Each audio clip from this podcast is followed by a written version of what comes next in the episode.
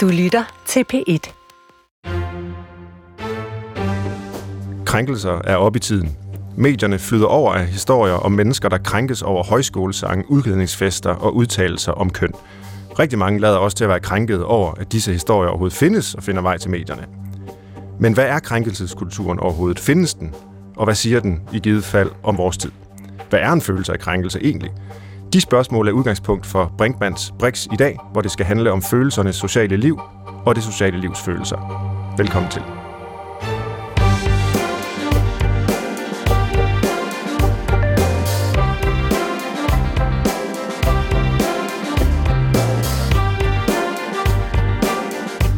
Som professor i psykologi undersøger Svend Brinkmann, hvorfor vi mennesker handler, som vi gør. Her i programmet har han ikke mennesker på briksen, men tendenser i samfundet, sindet og menneskelivet. Man siger, at psykologi er videnskaben om det, som alle ved i forvejen, men sagt på en måde, som ingen forstår. I Brinkmans Brix er målet at sige noget, som ingen har tænkt på før, på en måde, som alle kan forstå. Og til at hjælpe mig med at undersøge øh, følelsernes sociale liv og øh, krænkelsesfølelserne øh, specifikt, der har jeg to gæster, og den ene er Inger Glavin Bo, som er lektor i socialpsykologi her på Aalborg Universitet fra øh, Sociologi-studiet. Velkommen til, Inger. Mange tak. Og den anden er Lars Henrik Schmidt, som er idehistoriker, professor i filosofi på Danmarks Institut for Pædagogik og Uddannelse, som det hedder nu, som jo er en del af Aarhus Universitet. Velkommen også til dig. Tak. Og lad mig begynde med dig, Lars Henrik Schmidt, og sådan spørge helt øh, lige fremt. Har vi efter din mening fået en krænkelseskultur herhjemme? Jeg tror, det man kan sige er, at vi er blevet mere fint følte. Det er en, man føler sig krænket, og øh, der er problemet jo, at øh, det er ens selvforhold, der er krænket. Jeg tror, det er det, der for mig at se er porten til at forstå, hvad det handler om. Det er forestillingen om at tænke sig, at der er nogen, der kan se sådan på mig. Mm-hmm. Og det føler man sig krænket over. Og det vil du mene gør sig gældende, øh, det her krænkede selvforhold, ved nogle af de eksempler, der har været fremme. Det kunne være den unge, eller ja, den danske sang, der er en ond blond pige i højskolesangbogen, som øh, en person angiveligt blev krænket over, fordi hun ikke var en ung blond pige, eller nogen, der måske føler sig krænket på andres vegne over, at der er nogen, der klæder sig ud som meksikanere eller sådan noget. Ja, altså det er jo det, at øh, det store problem er jo, hvis vi bare ligesom kunne holde os inde i vores egen lille krop, så var det ikke et problem. Men problemet er, at kroppen er et, øh, er et felt, og at øh, vi sådan set har en forstørret krop, og nu er, kan man sige, at vores krop er vokset, sådan at øh, vores øh, omdømme er uden på os, og dermed er det egentlig vores øh, omdømme, vi er så optaget af. Mm-hmm. Det glæder jeg mig til at øh, høre meget mere om, også øh, kan man sige, krænkelsens og følelsernes øh, idehistorie om, øh, om tingens tilstand har forandret sig, eller om der måske også er noget universelt ved, ved de her øh, fænomener. Men øh, Inger Glavinbo, der er måske nogle lyttere, der vil undre sig over, at der er en person, der har et sociologisk perspektiv på følelser med i en udsendelse som den her, fordi hvad er overhovedet følelsernes sociologi for noget? Er følelser ikke sådan noget indre privat, vi går rundt med hver især øh, i vores egen øh, psyke eller i vores egen krop? Altså man kan jo sige, at emotionssociologien er netop et øh, forsøg på at øh, gøre lidt op med sådan en individualistisk og psykologisk forståelse, mm-hmm. i og med at øh, vi vægter, hvordan man tænker følelser. Og man kan sige, at når man arbejder emotionssociologisk, at så vægter vi relationer, altså en forståelse af følelser som noget relationelt, og som noget, der skabes mellem mennesker. Det er sådan en almindelig socialpsykologisk forståelse at lægge vægten på det mellemmenneskelige, det relationelle niveau og desuden også at vægte det kulturelle niveau, altså hvordan der er nogle følelser, som er mere oplagte at føle i bestemte situationer, givet nogle særlige sociale normer og kulturelle forventninger til en given situation. Og lige netop det her med, at følelser er noget, der, der udspiller sig i sociale situationer under indflydelse af nogle øh, kulturelle forventninger, øh, nogle bestemte steder, det er øh, stikord til, øh, til den øh, rejse, for nu at bruge en anden metafor, jeg gerne vil øh, tage os ud på her, fordi vi tager jo fænomener her i Brinkmans Brix, lægger dem godt nok på Brixen, men tager dem også med rundt i forskellige lokaliteter og belyser dem fra forskellige perspektiver. Øh, og, og der kan man jo sige, at jamen, følelser finder sted. De, øh, de, de findes, de udføres, de øh, jagtages i bestemte øh, under bestemte omstændigheder.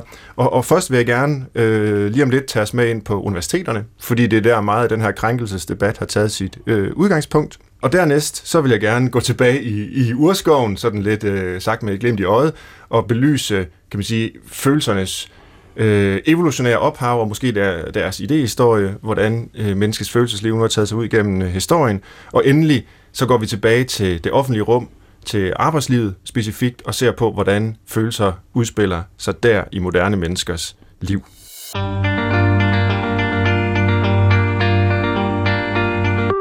Men vi begynder på universitetet, hvor mange af tidens krænkelseshistorier eller krænkelsesepisoder kommer fra. Og Lars Henrik Schmidt, du har jo været både studerende, går jeg ud fra, og siden underviser, forsker, rektor, haft en hel masse roller i tidens løb på universitetet.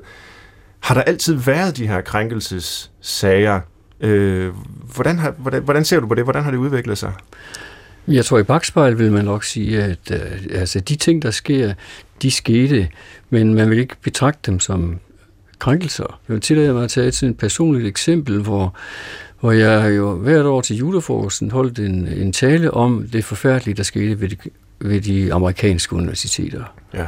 Altså, hvor jeg år for år viste, hvor det blev mere og mere vanvittigt. Altså, hvor det var en krænkelse at sidde på et bibliotek sammen med en af det andet køn, og så bruge øh, og sige ud i luften, fordi at man egentlig ikke siger ud i luften, man formodentlig med sit blik krænkede vedkommende osv. Jeg kunne gøre mig munter på den bekostning. Ja. Udviklingen. Se, hvor tosset de er ja, i USA. Det, det er helt ja. galt. Ikke? Og, og det vi så må bare må konstatere, at det, her, det har i den grad indhentet os. Så der har måske altid været øh, altså sådan nogle episoder, man, man kunne måske have øh, set på som krænkelsesager, men de er bare ikke blevet set på på den måde, og det bliver de så nu, i hvert fald i stigende ja. omfang. Jeg mener, nu har jeg også selv været på øh, universitetet en del år, jeg har aldrig ligesom, været en del af nogle diskussioner, hvor den slags er opstået. Øh, så fortæller du, at det, det kommer måske fra USA, og nu har vi hørt noget fra øh, Københavns Universitet og fra CBS, men det er ikke rigtig noget til Jylland endnu. Øh, så nu kan vi se på, på, på Sjælland og, og diskutere, hvor tossede de er, men, men, øh, men, men det kommer jo sikkert også her. Og der kan man så stille spørgsmålet, hvorfor er det netop på universiteterne, at sådan nogle krænkelsessager øh, opstår, Hvorfor er det ikke på slagterierne i Vestjylland, ja. eller revisionskontorerne i, i Odense, eller, eller alle mulige andre øh, samfundsarenaer? Jamen, der vil man måske ikke anse det samme som bliver krænkende, som man gør ved et universitet. Men jeg vil tænke på, at det er en anden bevidsthed, der er, og en, en helt anden opfattelse af, hvad det vil sige at være i et arbejdsfællesskab ved et, et universitet, endda på en arbejdsplads, som vi jo vender tilbage til. Men øh, når det er udbredt på universitetet, så er det fordi, det er voksne mennesker, og det vi taler om her, det er noget, der er tæt på noget, der foregår mellem voksne mennesker, nemlig øh, en erogenitet, som får lov at udspille sig. Ikke? Og øh, den er så så langt mere synlige, eller bliver i talesat nu om det på måder, som man ikke ville have gjort øh, tidligere. Det har jo altid været forkert, at man øh, har benyttet sig, for eksempel i forhold mellem lærer og elevforhold, ligesom med den fordel, man kan sige, man kan have aldersmæssigt og autoritetsmæssigt, og, og frem for alt i det, vi kalder overføringen inden for psykoanalysen, ikke? at der var ting og sager, som var uacceptable. Det er også et sted, hvor folk mødes, hvor voksne mennesker mødes om noget, der interesserer dem. Og derfor så opstår den slags ting selvfølgelig. Hvorfor det så skal være krænkende, det er noget andet, men jeg gør bare opmærksom på, at det er et sted, hvor det let kan blive det, og hvor folk har let til pennen, eller har let til at sige fra over for sådan nogle, nogle ting. Så altså, man skal have det her, øh, efter min opfattelse med i det, at det bliver lettere at tale om, eller det er lettere at øh, gøre det til noget, som kan være tema for øh, det, de sociale relationer ved, i den her sammenhæng. Når vi så har fået det klart ind, så er det jo så fordi, at, at det har været åbenlys i filmbranchen, som, som bringer den til os, øh, fordi at det lige pludselig bliver åbenlyst, at det er sket øh, i de her sammenhænge. Og så overfører man fra et miljø til et andet miljø, ja. og det kan altså indimellem være diskutabelt, og man kan lave sådan en lige til lige der. Ja, og nu har jeg jo også spurgt dig helt øh, bredt og åbent om, øh, om krænkelser, og, og der har jeg jo med det spørgsmål ligesom også pludret alle mulige ting sammen, fordi der er jo kæmpe forskel selvfølgelig på øh, på krænkelsesfølelser, som er øh, fuldt ud berettiget, fordi der faktisk måske objektivt har været en krænkelse, altså der har været et magtmisbrug.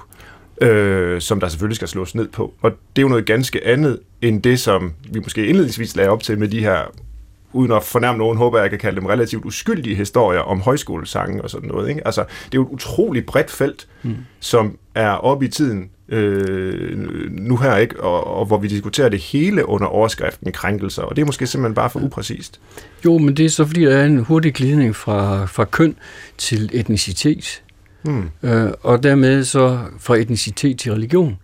Så det betyder så, at det er øh, en lang række af de ting, som vi vil opfatte om krænkelse. Det må være på den seksuelle arena, at vi der taler, men det er jo de samme argumenter, der bliver brugt, hvis man føler, at ens øh, overbevisninger bliver krænket. Ikke? Og at, øh, at folk de ikke respekterer i tilstrækkelig øh, omfang, at øh, vi har nogle grænser, som man øh, føler andre overskrider.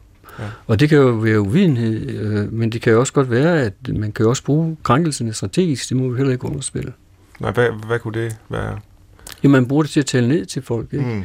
Det er en krænkelse, det er en erkrænkung. Ikke? Det er jo fordi, at man, man vil vedkommende, øh, altså nedgøre vedkommende, ja. øh, hvis vi er ude i de baner her. Men det kunne jo også være, Øh, øh, det er så, vil så være de ideologiske, de etnicitetsmæssige dimensioner, de kulturelle dimensioner i sagen.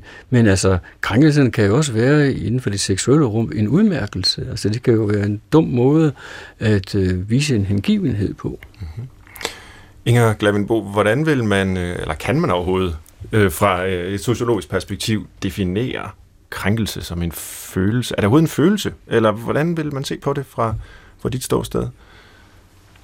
Jeg tænker, man vil øh, koble det med det, der sker øh, i mødet mellem mennesker. Altså, at når vi mødes, at så er vi også i gang med at skabe vores identitet. Øh, og det blik, Altså, jeg, jeg tænker uh, Charles Horton Cooley's uh, socialpsykologisk forståelse af, hvordan vi skaber vores identitet via spejlselvet, hvor vi en skaber det. sociologiens uh, helt klassiske Ja, ja, det er jo en, en, en, en, en klassiker inden ja. for uh, det socialpsykologiske område, som har en forståelse af, at vi skaber vores identitet uh, via spejlselvet, altså via ved at blive spejlet i den andens blik. Øh, og det er jo så øh, i at ved, at det jo rent faktisk ikke kan foregå, for vi kan jo ikke spejles i den andens blik som sådan, så bliver det jo forestillingen om, hvordan vi bliver set på. Og, øh, og det kan fremkalde forskellige følelser. Det kan fremkalde heldigvis følelsen af skam eller af stolthed. Og hvis det fremkalder følelsen af skam, jamen øh, så er vi jo ude i, at den pågældende kan, kan komme til at føle sig krænket, hvis vedkommende rent faktisk kommer til at skamme sig. Så det, vi kalder krænkelse, er ofte tæt forbundet med skam? Jamen, det, det vil være en måde at, at kunne anskue det ja. på, at øh, det er de følelser, der fremkaldes. Øh, og skamfølelsen, kan man sige, det er jo meget ødelæggende for øh, interaktion mellem mennesker, eller kan være det. Øh, fordi at, at øh, det gør jo, at øh, folk kan trække sig. Altså, det er jo en, en øh, oplagt øh, måde at reagere og handle på skammen, at man trækker fra, sig fra den sociale interaktion. Eller man kan også omdirigere skammen til en anden følelse, sådan at det kommer ud som vrede. At i stedet for, fordi måske at skamfølelsen, at det at skamme sig, det er så skamfuldt, og så måske så tabuiseret, at man faktisk slet ikke ønsker at øh, lade sig konfrontere med, eller man, man øh, skubber den væk, man omdirigerer den, og så kommer det ud som vrede i stedet for. Øh, men, men du, du siger noget interessant der ja. netop, at man også kan skamme sig over skamfølelsen. Og, og det tror jeg egentlig er, er noget, nu er det ikke fordi, vi skal diskutere alle de her mange konkrete sager, som har været op at vende, men der er i hvert fald rigtig mange, der mener, at det i sig selv er skamfuldt at blive krænket over noget, som flertallet synes er ligegyldigt. Ja. Altså, så det er jo sådan set en dobbelt øh, skam, eller i hvert fald to lag af følelser. Først er der den, der oplever sig krænket, og så er der alle dem, der synes, det er skamfuldt at opleve sig krænket over sådan noget, eller i hvert fald sige det højt. Og det er jo også en god grund til, at det øh, måske har været tabuiseret, og det er altså øh, noget, som ikke er kommet frem tidligere. Mm-hmm. Altså, så, fordi det kan jo være vældig, vældig skamfuldt, kan man forestille sig, at blive krænket på den måde. Øhm, men altså det, at det så kan blive omdirigeret til vrede, det er jo så øh, en måde egentlig at fortrænge skammen på, og så kommer du ud som noget andet, hvor det kunne måske være hensigtsmæssigt at se på, at det rent faktisk fremkalder den skam her. Øh, fordi så er der en god grund til at, at arbejde med det, med at det er det, man er ved at gøre ved andre mennesker. Ja. Jo, der er det, men problemet med skammen, det er jo, at det er jo, det er jo dig, der skammer dig, ikke? Altså, fordi det er jo så jeg vil mene, at det handler om, at du i, i skammen, der opdager du, at der er nogen, der ser sådan på dig. At der er nogen, der gør dig til opblik på en bestemt måde. Mm. Og det er jo i og for sig, at sige, tænk sig, er det virkelig sådan? Ikke? Er, det, er det sådan, de ser på mig? Og så kan man så sige, det vil jeg ikke finde mig i, og så kan man fremture. Men det er også det, man kan også sige, gud, gjorde jeg virkelig det? Ikke? Var det sådan, det bliver oplevet, det jeg har foretaget? Ikke? Og det, det er jo der, hvor der er for mange hvad skal man sige, der, når vi taler om det på den måde, der er for mange af de øh, sociale øh, forhold, som bliver blandet sammen i, i en diskussion, som det vi har med at gøre. Ikke? Altså det, det er jo øh, hele tiden, det er, en, det er en følelse af, at øh, du bliver på en måde bliver nedværdiget. Ikke? Og det betyder så, at øh, hvis du ikke mener, det er retfærdigt, at du bliver nedværdiget på den der måde, så er du nødt til at reagere, for eksempel igennem redden. Ikke? Mm, mm. Altså der er vel øh, lidt ligesom skyld, øh, så er der vel ved krænkelsen sådan et dobbelt begreb, altså både, øh, eller en dobbelt betydning. Både en betydning, der er objektiv, altså man kan være skyldig i objektiv forstand, man har begået en forbrydelse, men det er noget andet end at føle skyld. Øh, man kan føle skyld uden at have begået en forbrydelse, man kan også have begået en forbrydelse uden at føle skyld, og tilsvarende kan man vel også være blevet krænket uden at opleve det som sådan.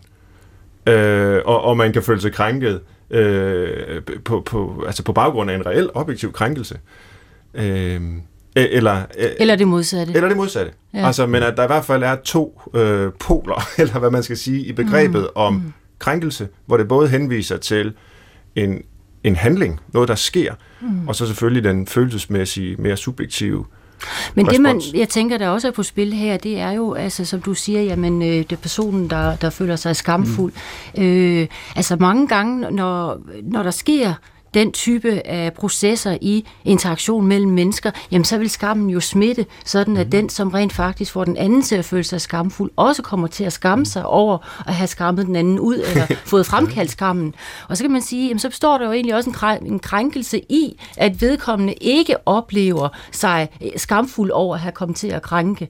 Øhm, og det er ja. måske, ja, det, vi, og det kan opleves som en krænkelse, det at, det, det ikke, øh, at der ikke skaber sådan en, en spiral af, gensidig, af gensidighed omkring den her skam. Det er det, den ikke det meget, smitter. debatten handler ja. om i medierne. Ja. Hvem har egentlig mest grund til at føle skam? Mm-hmm. Øh, og og så, så er der en kæmpe stor diskussion om det, hvor, hvor folk stabler argumenter på, øh, på benene. Og det kan man jo egentlig synes er lidt irriterende eller ligegyldigt, altså for pokker havene stiger, og, øh, og det hele går på mig til, og så sidder vi og diskuterer sådan nogle ligegyldigheder.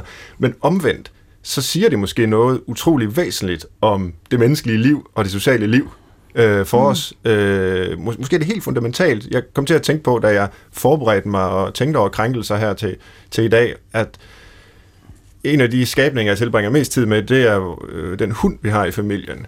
Og, og den tror jeg aldrig oplever sig krænket. Altså samtidig så føler den sig domineret, den lægger ørerne ned og kryber langs øh, panelerne og sådan noget, når den har gjort noget forbudt, og jeg skælder den ud. Og, og måske vil nogen se på mig, og synes, nu krænker jeg dyrenes, eller dyrs øh, rettigheder eller sådan noget.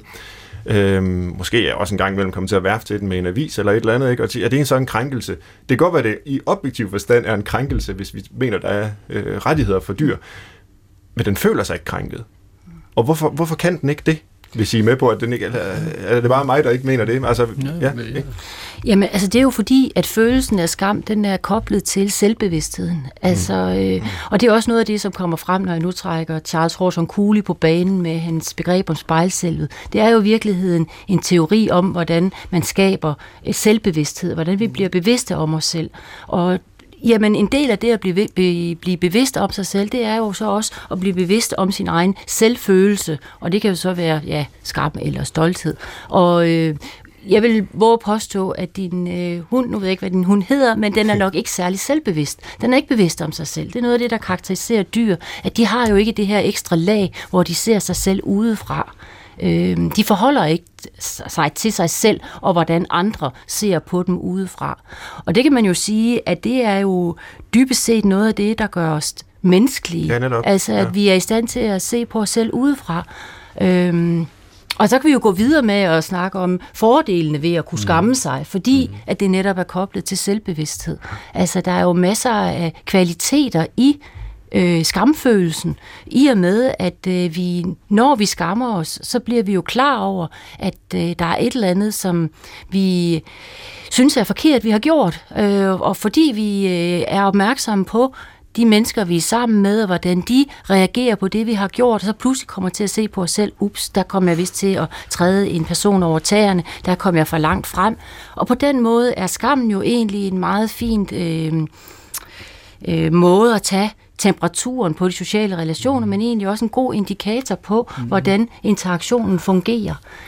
Det vil jeg gerne vende tilbage til, det ja. her med, med, med skam, og hvad den ja. følelse egentlig gør i vores liv, også måske øh, er, er positive ting. Mm. Men jeg kunne ja. tænke mig at spørge dig, Lars Henrik Schmidt, om også øh, i, i forlængelse af, hvad Inger var inde på, hvor, hvor, hvor, hvor der jo er skammen, og der er krænkelsen, og så er der vreden, og du har jo selv skrevet en bog om vrede mm. for nogle år siden.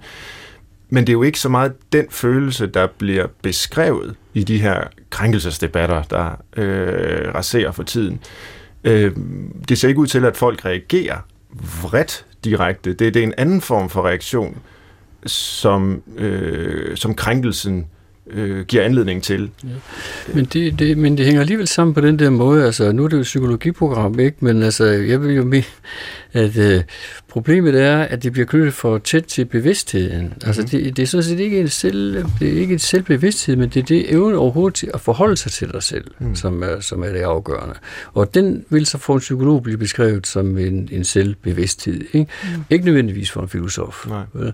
Altså, det, det er, at du forholder dig til dig selv, og så vil sige, det der er et stort problem, det er, at hunden ikke kan forholde sig til sig selv. Mm. Derfor kan den jo godt mærke, at noget gør ondt. Ja. Derfor kan den godt have i den forstand have, have, have for smag, eller den har, den har en sans for, at noget er pinagtigt osv. Den der jo, øh, hvis man skifter genre og siger, at det i højere grad, når vi taler om følelserne, ja, så handler det i lige så høj grad om, hvad skal man sige, hvad man har sans for, at det er den type af sanselighed er anderledes. Ikke? Måske har den ikke en, en abstrakt opfattelse af at sans, som, som vi har. Så du kan også se følelserne som en forlængelse af din sanselighed, den udvidede sanselighed. Nu er jeg jo så psykolog og ser det fra mit perspektiv, men det du taler om nu, det er jo det, jeg vil se som, altså, jeg følelserne som en slags sans, hvor, hvor noget gør indtryk på os. Men følelserne har jo også det andet, som måske er det mere sociologiske, at det er et udtryk. At følelser både er øh, noget, hvor vi registrerer verden, men det er også noget, hvor vi kommunikerer med andre mm. om verden. Og, og, og, og der er, altså er mit spørgsmål, der, der kommunikerer vi jo ikke særlig vredt om de her krænkelser. Det gør vi så måske om alt muligt andet, og ja. det handler din bog jo meget om, altså hvordan det er blevet mere almindeligt at udtrykke vrede. Ja. Men, men jeg, jeg synes den er sådan relativt fraværende her. Man kan sige, at øh, det Inger sagde før, om, at det i højere grad handlede om relationen mellem mennesker, det kunne man så også sige, at øh, jeg vil selv foretrække det at sige en lang række af det, som andre mennesker vil kalde følelser, de vil kalde stemninger, mm-hmm. og øh, i, i højere grad tale om socialer, altså det er, det er sociale værensformer, som eksisterer som stereotyper i vores måde at være, at være sammen på. Ikke? Og de, de kan jo fungere, eller de kan ikke fungere. De kan bryde sammen, eller de kan forstærkes osv. Øhm, hvis man ser på det øh, på, på, på den vis, så øh, er, øh, ser man jo det i en forlængelse af det, kalder, nu kalder sanseligheden, ikke? men ikke så meget som, at det er vores psykologiske sammenhæng, men, men at det simpelthen er, er vores, øh, at vi har sans for det, at, at være sammen, at samvære på en måde er noget, vi kan sanse. Mm. Ikke? Og det, er så det, det, det kan så lige pludselig blive brudt, ikke? fordi vi så kommer uens om, hvad der sker i en stemning, at den ikke kan afstemmes. Ikke? Altså det, vi kan jo, kender jo alle sammen det, og det kender man selvfølgelig også inden for psykologien, altså hvordan konstellationerne ændrer sig ved, at der kommer en ny person ind i rummet osv. Ikke? Men sådan er det jo hele tiden, øh, at øh, det, vi, det rum, vi taler om nu, er jo her, hvor, hvor netop det, at andres forhold til sig selv er afgørende for vores forhold til os selv. Altså, jeg kan sige, at jeg forholder mig til mig selv på den her måde, ikke? men mit selvforhold er så afhængig af den måde, som den, jeg støder sammen med, forholder sig til sig selv. Mere kompliceret er det sådan set ikke, men det er også ret kompliceret. Ikke? Altså sådan, at, at, at øh, vi er aldrig alene i den, der, i den der forstand. Når vi støder sammen med en anden, så støder vi også sammen med en anden i den andens selvforhold. Du lytter til Brinkmanns Brix på P1. selvom psykologi, det er ifølge mange af videnskaben om det, alle mennesker godt ved i forvejen, men sagt på en måde, ingen mennesker forstår, øh, så, så vil vi prøve at sige noget, som ikke ret mange har tænkt på før, på en måde, som alle forstår. Og så har jeg alligevel i dag brugt, og, og, og det har vi her i, i snakken, et lidt teknisk begreb om noget, som vi jo alle sammen kender til. Øh, vi kender alle sammen til følelser, men vi har alligevel talt om det som emotioner. Og tiden er måske inde til, at vi også lige forklarer, øh, det kan jeg så lægge ud med at give mit bud på, hvorfor vi overhovedet har et begreb om emotioner. Og det er nok et af de, i virkeligheden måske relativt få steder i psykologien og humanvidenskaben, hvor vores øh, hverdagssprog kommer lidt til kort, i hvert fald på dansk, fordi vores følelsesbegreb dækker over så utrolig mange forskellige ting. Lige fra altså netop det, det sanselige i en helt konkret betydning, hvor jeg kan, jeg kan føle, nu, det kan lytteren ikke se, men nu, nu føler jeg på min egen arm og mærker den øh, sweater, jeg har på, ikke? og så kan jeg føle øh, trøjens øh, tekstur med fingerspidserne. Ikke? Der, der taler vi om, øh, om, om følesansen og om at føle. Øh, og, og fra det og så til de her meget komplekse, øh, refleksive øh, fænomener som, som skam og, og krænkelseserfaringer og sådan noget, der er, der er der jo et enormt spænd. Og derfor så har vi så begrebet, i, i hvert fald i psykologien og bestemt også i sociologien, om emotioner, øh, som jo i modsætning til de her mere, lad os bare sige, primitive eller simple følelser, ikke er lokaliseret i kroppen. Det er derfor, der måske nok er sansninger involveret, men det er også meget mere end sansninger. Øh, jeg kan føle min arm, men jeg kan ikke præcis sige, hvor min følelse af stolthed, eller skam, eller sådan noget sidder. Øh, nogle gange sidder det i maven, og man har fornemmelsen af at blive lille og sådan noget, og krømpe sammen, hvis man øh, skammer sig. Øh, andre gange er det noget helt andet. Så øh, det er simpelthen derfor, vi har brug for et begreb om øh, emotioner, og det har filosofer jo så beskæftiget sig med i, i årtusinder, også før der fandtes psykologer.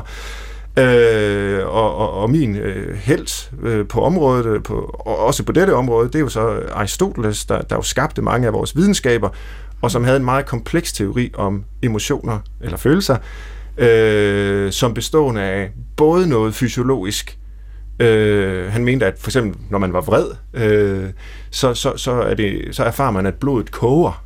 Øh, det er sådan den fenomenologiske erfaring af at blive vred, hvordan det er med ens krop. Men det er slet ikke nok, fordi blodet kan koge af mange grunde, som Aristoteles skriver. Det kan være, at man er syg og har feber. Det er jo ikke det samme, som man er vred. Så for at vi kan tale om vrede, skal der til lige være den sociale situation. Altså, der skal være noget i verden, som vi bliver vrede over. Så følelserne er også rettet mod, eller emotionerne så, er også rettet mod objekter i verden. Og hvis man har et velkultiveret følelsesliv, hvis man er dannet menneske, og ens øh, følelsessans fungerer, jamen så er man vred i de rette mål, på de rette tidspunkter, mm. over for de rette personer. Øh, og, og ens følelsesliv fungerer ikke, hvis man for eksempel bliver enormt vred, når ens lille baby øh, kylper noget op, øh, som rammer ens slips eller sådan et eller andet, og hvis jeg nu bliver enormt vred over det, så er der noget, jeg har misforstået. Fordi vreden er da illegitim. Og, og, og, og der, er en, altså, der er en erkendelse der hos Aristoteles, som øh, jeg mener i hvert fald en stor del af psykologien har glemt eller måske aldrig helt har været klar over, nemlig at det giver mening at tale om, at følelser kan være mere eller mindre berettigede. Altså følelser er normative. De er mere eller mindre passende til de situationer, vi er i, øh, er i stand til i større eller mindre grad at fortælle os noget om den verden, vi lever i. Det er jo helt anderledes end meget af den øh, følelsesteori, vi har i psykologien, hvor følelser bare er sådan nogle passive mekaniske reaktioner, som måske har en evolutionshistorie eller sådan et eller andet, man forsøger at afdække. Og, øh, og, og det, det vil jeg gerne spørge jer til, det her med følelser og, og, og legitimitet eller berettigelse, retfærdiggørelse, at vi kan have grunde til at have bestemte følelser. Øh, og, og, og det er jo så det næste rum, vi kan putte følelserne ind i, øh, som, som, som egentlig handler om, at vores følelsesliv går langt tilbage, og vi deler følelser med visse ikke-menneskelige dyr, Øh, Øh, så hvis vi nu er i, øh, i urskoven og, og taler om, jamen altså, hvorfor har vi overhovedet følelser, så bliver den historie meget mere kompleks. Vi var også inde på det før, jævnt for hele forskellen mellem øh, hunden og, og mennesket.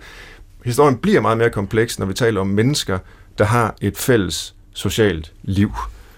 Og øh, der tror jeg, at, øh, at vi i hvert fald er på linje, det er vi måske alle tre, men det vil vise sig. Men mm, jeg ved jo, Inger mm. øh, Glavin Bo som øh, emotionssociolog, mm. hvis jeg må kalde dig det, øh, så er det vel også sådan, du ser det. Altså, du vel på hold med Aristoteles her? Øh, for jamen, at, jamen helt bestemt. Lidt. Ja, øh, og jeg tænker, at, at det du giver udtryk for øh, med, med den formulering der med at føle øh, det rigtige og, og give det, det rigtige udtryk og den rigtige intensitet eller varighed osv., jamen det er jo netop noget af det, som øh, man sætter begreber på, eller inden for emotionssociologien, eller rettere Arlie Hochschild, som er en af pionererne inden for området, har sat begreber for. Fordi hun siger jo netop, at vi har, eller der eksisterer særlige øh, følelsesregler, altså regler for, hvordan vi bør øh, forvalte vores følelser, og hvordan de bør komme til udtryk, og graden af dem, og hvor længe de ligesom må vare, og sådan noget, at alt det er faktisk reguleret, reguleret af nogle normer,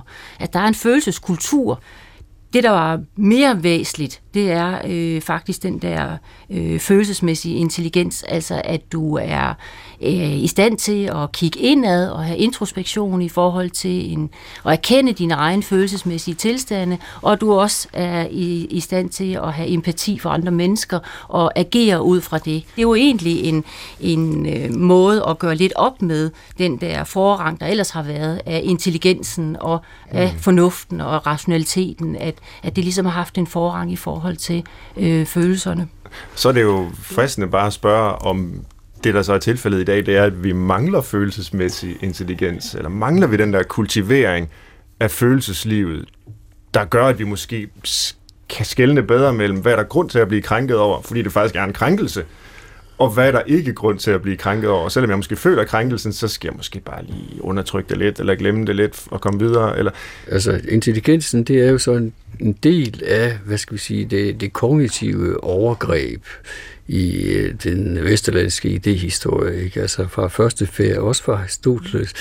Altså, det, det er jo den, der er problemet. Ikke? Det, øh, men det, det er som om, at vi render rundt og tænker over det, vi gør hele tiden. Mm. Det gør vi jo præcis ikke. Nej. Det meste af det, vi gør, tænker vi overhovedet ikke over.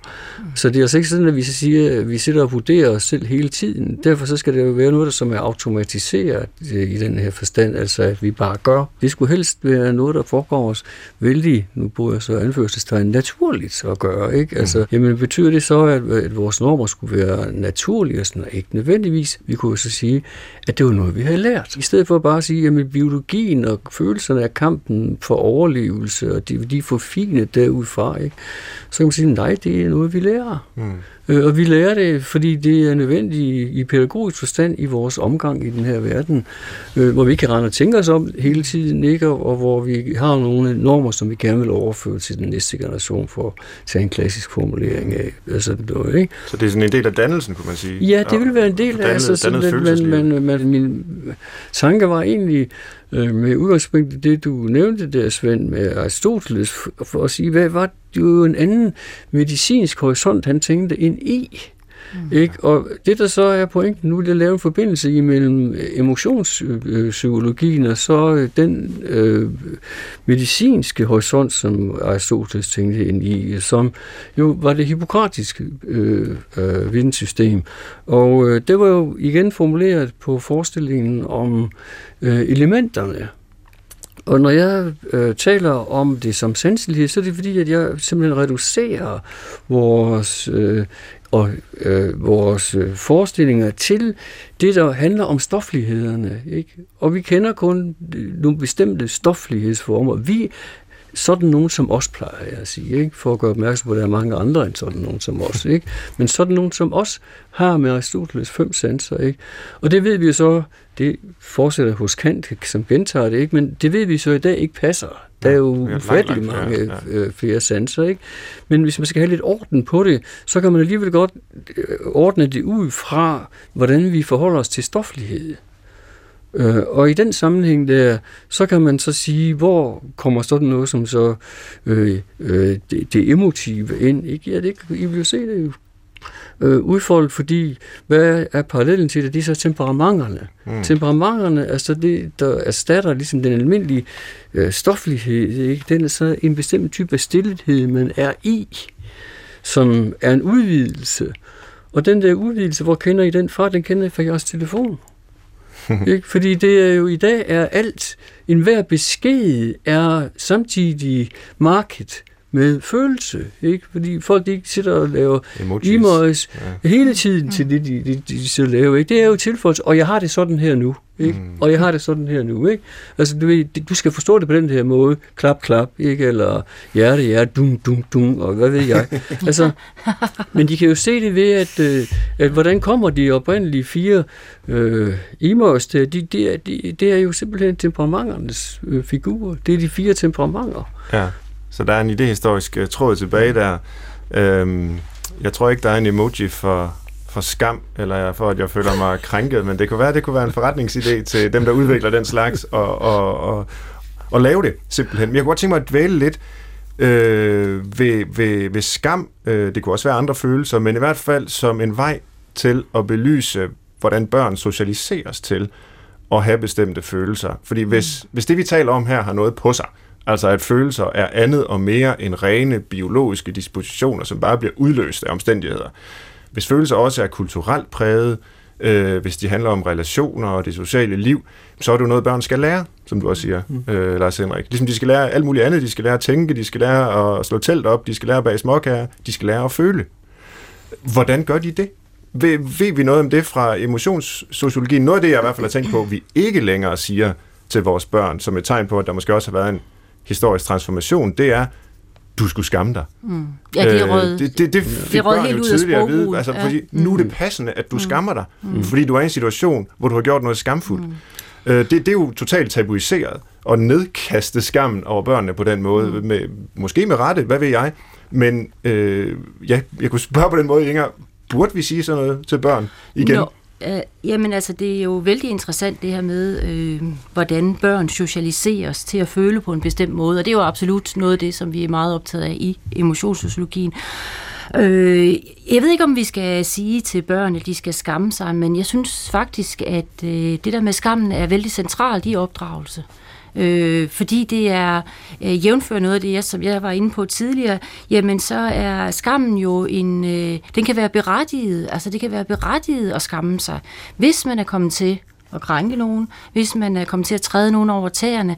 Øh, og det er faktisk en, en væsentlig menneskelig følelse til at regulere øh, adfærden. Altså, og hvis, hvis du oplever, eller hvis jeg oplever skam, jamen så er der nok grund til lige at bremse op og se på, hvad er det for et øh, handlingsforløb, der er foregået. Er der noget, jeg skal, skal gøre anderledes? Øh, så i forhold til børn, så synes jeg godt, man kan appellere til deres skam. Jeg synes faktisk, det er væsentligt. Men alligevel så må jeg sige, så hænger der så meget ved det der med at sige, du bør skamme dig, at det er, har næsten svært ved at tage ordene i min mund og sige, at, at det er en god del, en, en passende måde at formulere sig i forhold til børneopdragelse. Fordi skammen er kommet i skammekrogen, og øh, vi er jo bange for, at øh, lade børn skamme sig, fordi vi har en forestilling om, at det går ud over deres selvværd. Mm. Og hvis der er noget, der er væsentligt, måske næsten det væsentligste af alt, så er det jo at styrke børnenes selvværd, så de føler sig øh, robuste og kan modstå øh, alle mulige øh, svære ting i deres tilværelse. Men nogle gange så tænker jeg, at det kommer over, og at øh, den der med, med øh, og opleve skam er en væsentlig del af vores socialisering, fordi det netop indgår som en måde, øh, vi bliver opmærksomme på, øh, hvordan vi har forbrudt os mod den sociale orden. Øh, Ifølge skabelsesberetningen, øh, hvor skammen jo kommer ind, øh, efter at de har forbrudt sig, øh, Adam og Eva, ikke? og slangen lokker Eva til at spise øh, af den forbudne frugt, og så, så skammer de sig, de ser de i øjnene, og Gud giver dem tøj og forviser dem for paradis. Der er skamfølelsen jo meget tæt forbundet med den her refleksivitet, altså selvbevidstheden, at man har et forhold til sig selv, som du mm. kaldte det før, Lars Henrik. Og det er jo interessant, også i forlængelse af, hvad du siger nu, Inger, at hvis vi ikke vil have, at børnene skal skamme sig, fordi vi er bange for, at det skader deres selvværd, så er det måske lige så meget det modsatte, der kan blive problemet. At hvis de ikke kender til skammen, jamen så får de ikke det her forhold til sig selv, som jo da i hvert fald er et fundament for at have selvværd, fordi det er fundamentet for overhovedet at være et selv. De bliver ikke i Altså- stand til at se, hvad deres handlinger gør ved andre mennesker. Altså, Akkurat. de bliver måske i virkeligheden for... Øh, ja, altså, der er jo ikke nogen, der kan holde ud og være sammen med fars og mors guldklumper, som er så selvcentrerede og så optaget af, hvordan de... Øh, øh, deres egne behov og deres egne lyster og længsler, altså at, at det er det, der kommer til at være styrende. Øh, der er det jo vigtigt at få det... Øh, altså den der mulighed for at se sig selv udefra, er jo simpelthen fuldstændig elementær i opdragelse, altså at få et decentreret perspektiv og blive i stand til at, at kunne se, hvordan interagerer jeg med andre mennesker, hvordan virker jeg på andre mennesker. Vil, vil du gå så langt som til at sige, nu er det mig, der lægger dig ord i munden, så du skal jo bare protestere, men at den måske overdrevne krænkbarhed, man kan jagte ind imellem, skyldes lavt selvværd, at det for simpelt sat op? Det, er, ikke, om, det er meget spekulativt. Ja, jeg ved ikke, om det er for langt at gå, men øh, med krænkelse og sådan, altså det er jo noget, som også, vi også øh, ser øh, florere rigtig meget på de sociale medier, mm. og det tænker jeg måske kan være forklaring på, øh, Altså, at det nogle gange bliver så hadsk, som det bliver. Øh, så jeg vil egentlig hellere den vej rundt og, og se det som, jamen, at det er så meget nemmere at være krænkende på de sociale medier, fordi at der er du, sidder du ikke over for, for øh, andre. Øh, og det er meget, meget sværere at være øh, direkte krænkende eller hadsk. Altså, øh, det er jo selvfølgelig de der krænkelser, som man måske ikke er klar over, man begår. Det er en anden, en anden snak. Men altså, det er meget lettere at være hadsk på de sociale medier, hvor man jo nogle gange kan undre sig og tænke, jamen det her vil aldrig komme ud i, i, øh, i det offentlige rum, eller hvis man sad over for hinanden. Jamen det der helt sikkert er, at vi jo står i en situation, hvor, det, hvor der er kommet langt større adgang og mulighed for at udtrykke sig. Ikke? Altså det er, øh, førhen, det er jo sladerens historie. Altså der kunne man jo, den vokser jo også, ligesom der går storm på, på øh, på øh, de sociale medier i dag, ikke? men de var i begrænset omfang. Ikke? Men i dag er der, der er jo masser af tilskuere hele tiden øh, til, så man kan ikke længere trække, lade tilskuerne være uden for situationen. Tilskuerne er hele tiden med. Øh, mm. Så det kan godt være, at jeg, jeg skammer en eller anden ud, og, men samtidig så, så skammer jeg vedkommende ud over for en, et publikum. Og det er med inde i, i det, der, den der bliver ked af det, sidder ved den anden, tænker sig nu, at ved de alle, og den løgnhistorie, han eventuelt korporterer og så videre, så videre ikke? Den, den, den står som en skamplet mm. for mig. Ikke? Det er så plettet, at jeg overhovedet ikke kan, øh, kan ses, sådan som jeg tror, jeg er. Og i forhold til det med at skamme sig, ikke? og bede børn om at skamme sig, ikke skamme sig, at, at, at sige til dem ikke, at uh, handle således, at du kan ville gentage din handling. Ikke? Altså ligesom at sige, vil du gøre det igen? Ikke? Og så har vi så lige pludselig... En. Når du, du skammer... Ja, en husmandskant, ikke? Altså, kant uden det transcendentale subjekt, ikke? Altså, kant uden at du faktisk kan universalisere det. Ikke? Og så, man kan jo ikke sige sådan, nu slår jeg dig ihjel, hvis du ikke mener det her. Men man kan bare sige sådan, ikke? okay, jeg vil ikke gøre sådan, ikke? Jeg vil ikke gøre sådan, ikke? Er du sikker på, at øh, du vil gøre det igen? Og så er du så over i, at, øh, at skammen på en eller anden måde skal til, for at få folk til at overveje deres fortrydelse. Ikke? Man skal have dem til at fortryde en handling, og dermed så glider for vi fra skammen til skylden. Ikke? Du, når jeg siger undskyld, så forsøger jeg på at uh, sige, at givet dette aldrig ville være sket i den her verden har lagt dig på Brinkmanns Brix på P1. I dag handler det om krænkelse og i udvidet forstand også øh, følelsernes sociale liv. Og det gør jeg sammen med Inger Glavin Bo, som er sociolog, og Lars Henrik Schmidt, som er idehistoriker. Og vi har både set øh, sige, langt tilbage i historien på, på menneskets følelser, hvorfor har vi dem? Øh, vi har været på universitetet og undersøgt nogle af tidens øh, aktuelle krænkelsesdiskussioner. Øh, og jeg kunne tænke mig nu at gå ind i øh, i, i det offentlige rum igen, øh, og måske ind på vores arbejdspladser, fordi øh, der ser man, at vores følelsesliv måske i stigende grad bliver reguleret. Det er i hvert fald en tese, man kan have, og der er jo en, en, en sociologi om det. Inger, du nævnte øh, Arlie Russell Hochschild, som øh, er kendt for at have introduceret et begreb om emotional labor. Øh, der er også andre, der arbejder med det, men altså en form for følelsesarbejde, hvor man så at sige kan blive pålagt at udføre bestemte mm. følelser mm. som en del af ens jobfunktion. Og, og man sige, hvis det fænomen findes, så er der vel ikke et klare udtryk for, at følelser også er noget socialt. Altså det er en social opgave, vi kan løse. Det, det kan være stewardesser, der skal smile. Det, er det kan klar. være sygeplejersker, der skal være øh, optimistiske og positive over for patienterne, fordi man, mm. man mener, det hjælper øh, dem i deres behandling mm. øh, osv. Men det er også noget, der i hvert fald ifølge Hochsteins forskning er hårdt at udføre, og måske sig selv kan være krænkende at blive sat til og, og, og have bestemte følelser.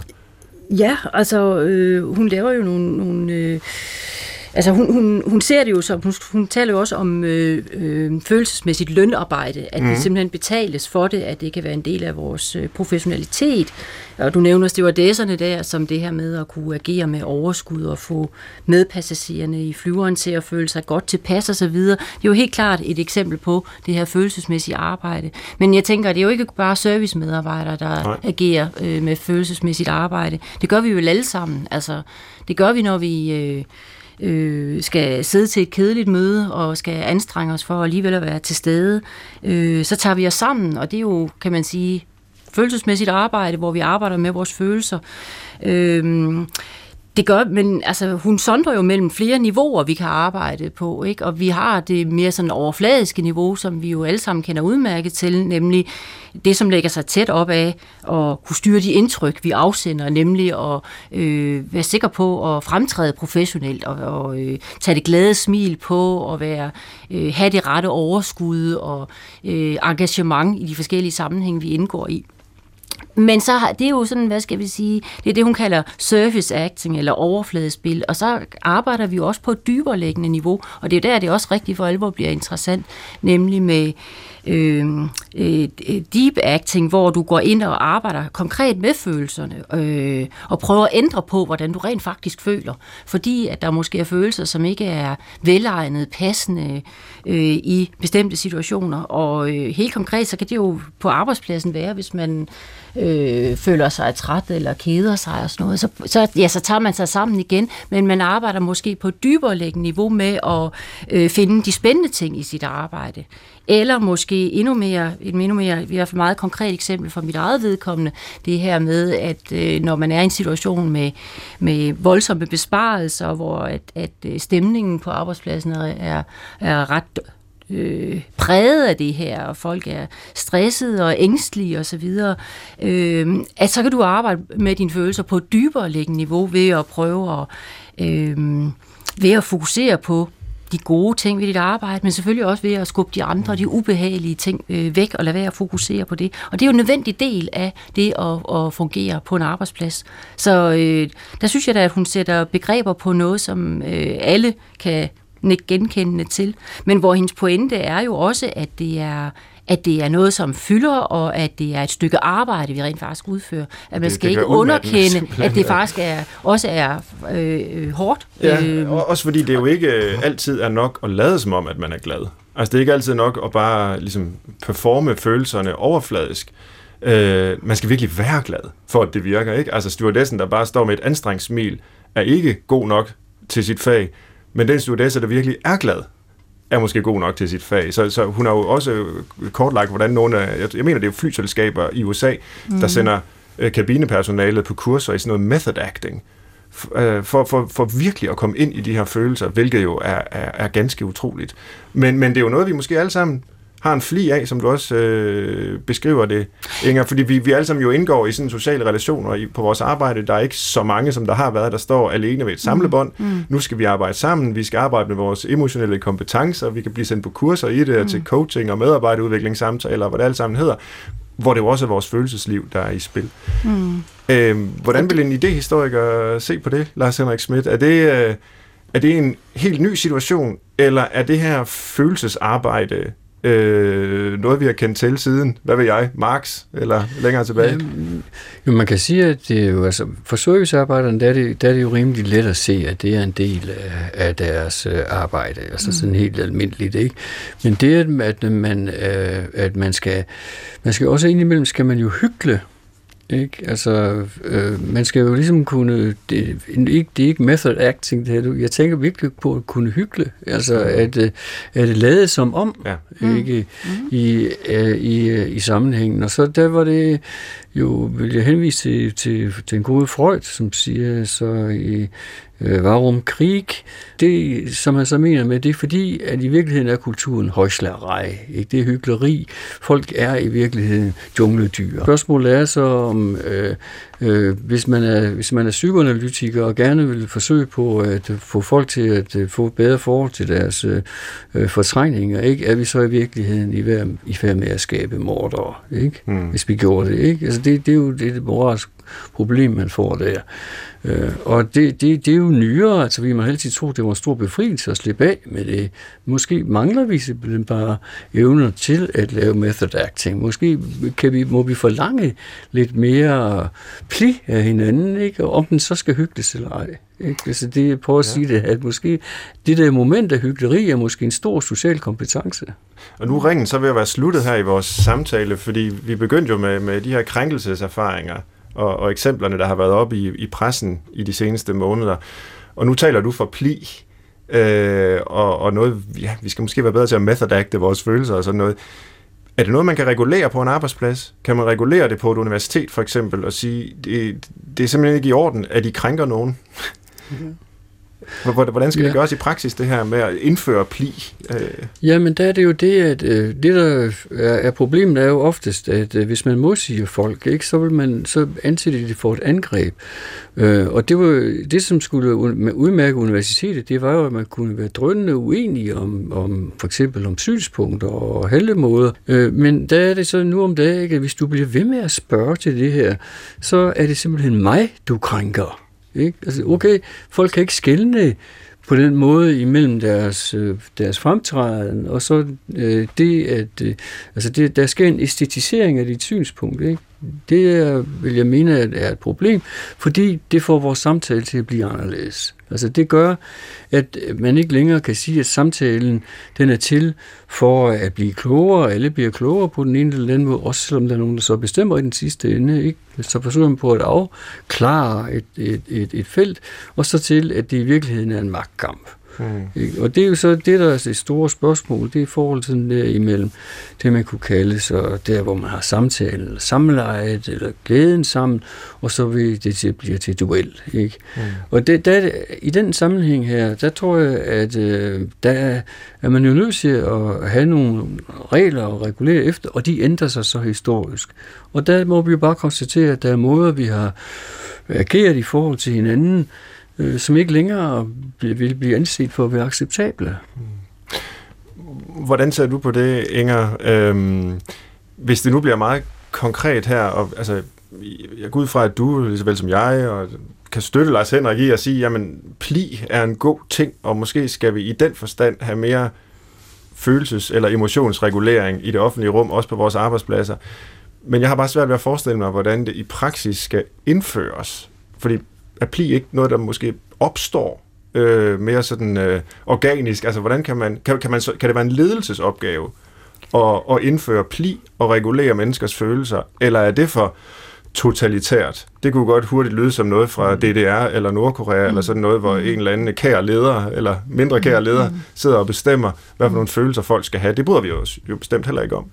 Nej, og jeg tænker på jeres tidligere programmer, der har jeg haft sådan en liste med gode råd, og hvis du nu gerne ligesom vil ende ud med en det liste med, med, lidt, ja. med, med gode råd til, hvordan vi undgår krænkelser, så vil jeg øh, gerne øh, melde pas forbi, fordi at jeg synes ikke, at, at vores interaktion kan reguleres via sådan nogle øh, øh, formelle regler og love, men at, at vores interaktion skulle jo gerne fungere med, med sociale normer, og måske noget af det, vi også har kommet til at snakke om, det er jo også, hvordan skammen sådan set er med til at regulere.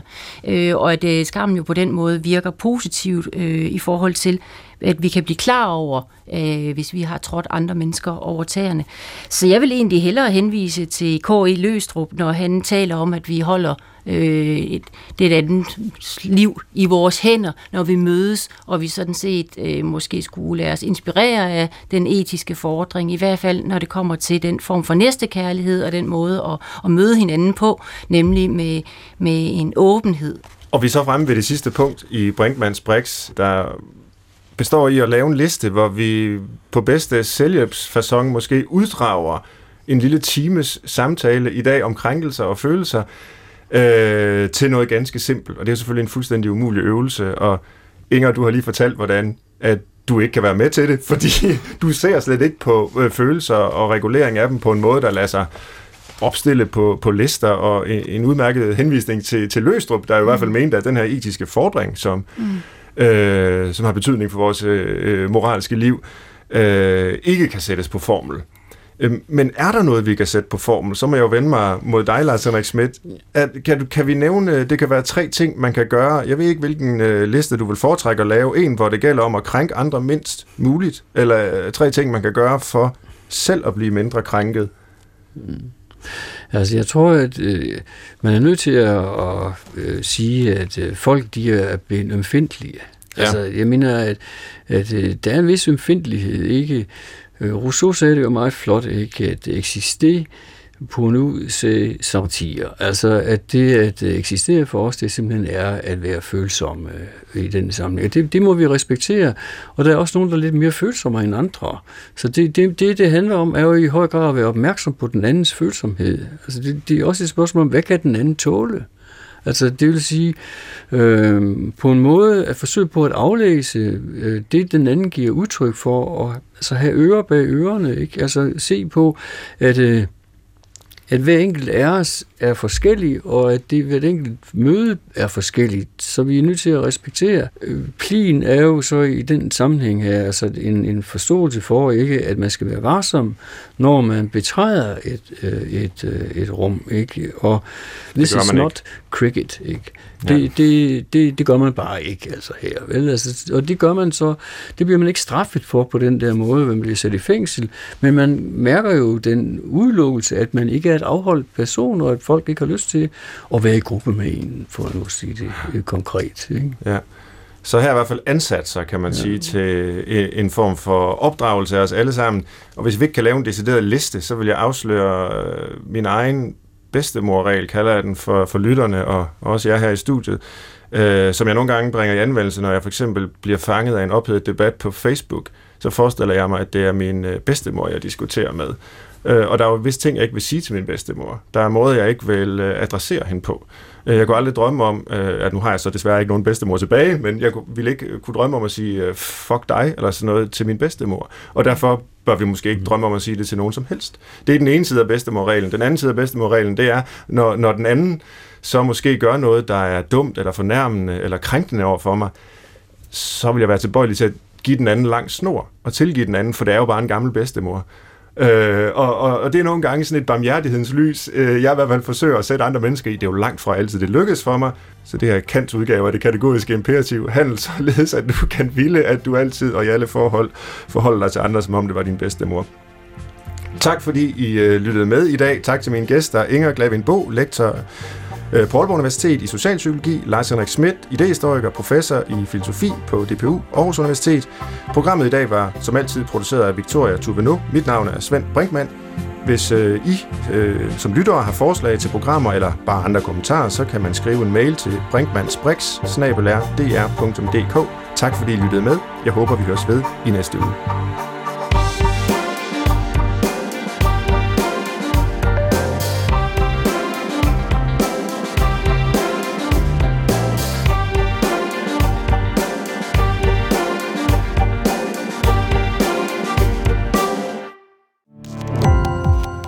Gå på opdagelse i alle DR's podcast og radioprogrammer. I appen DR Lyd.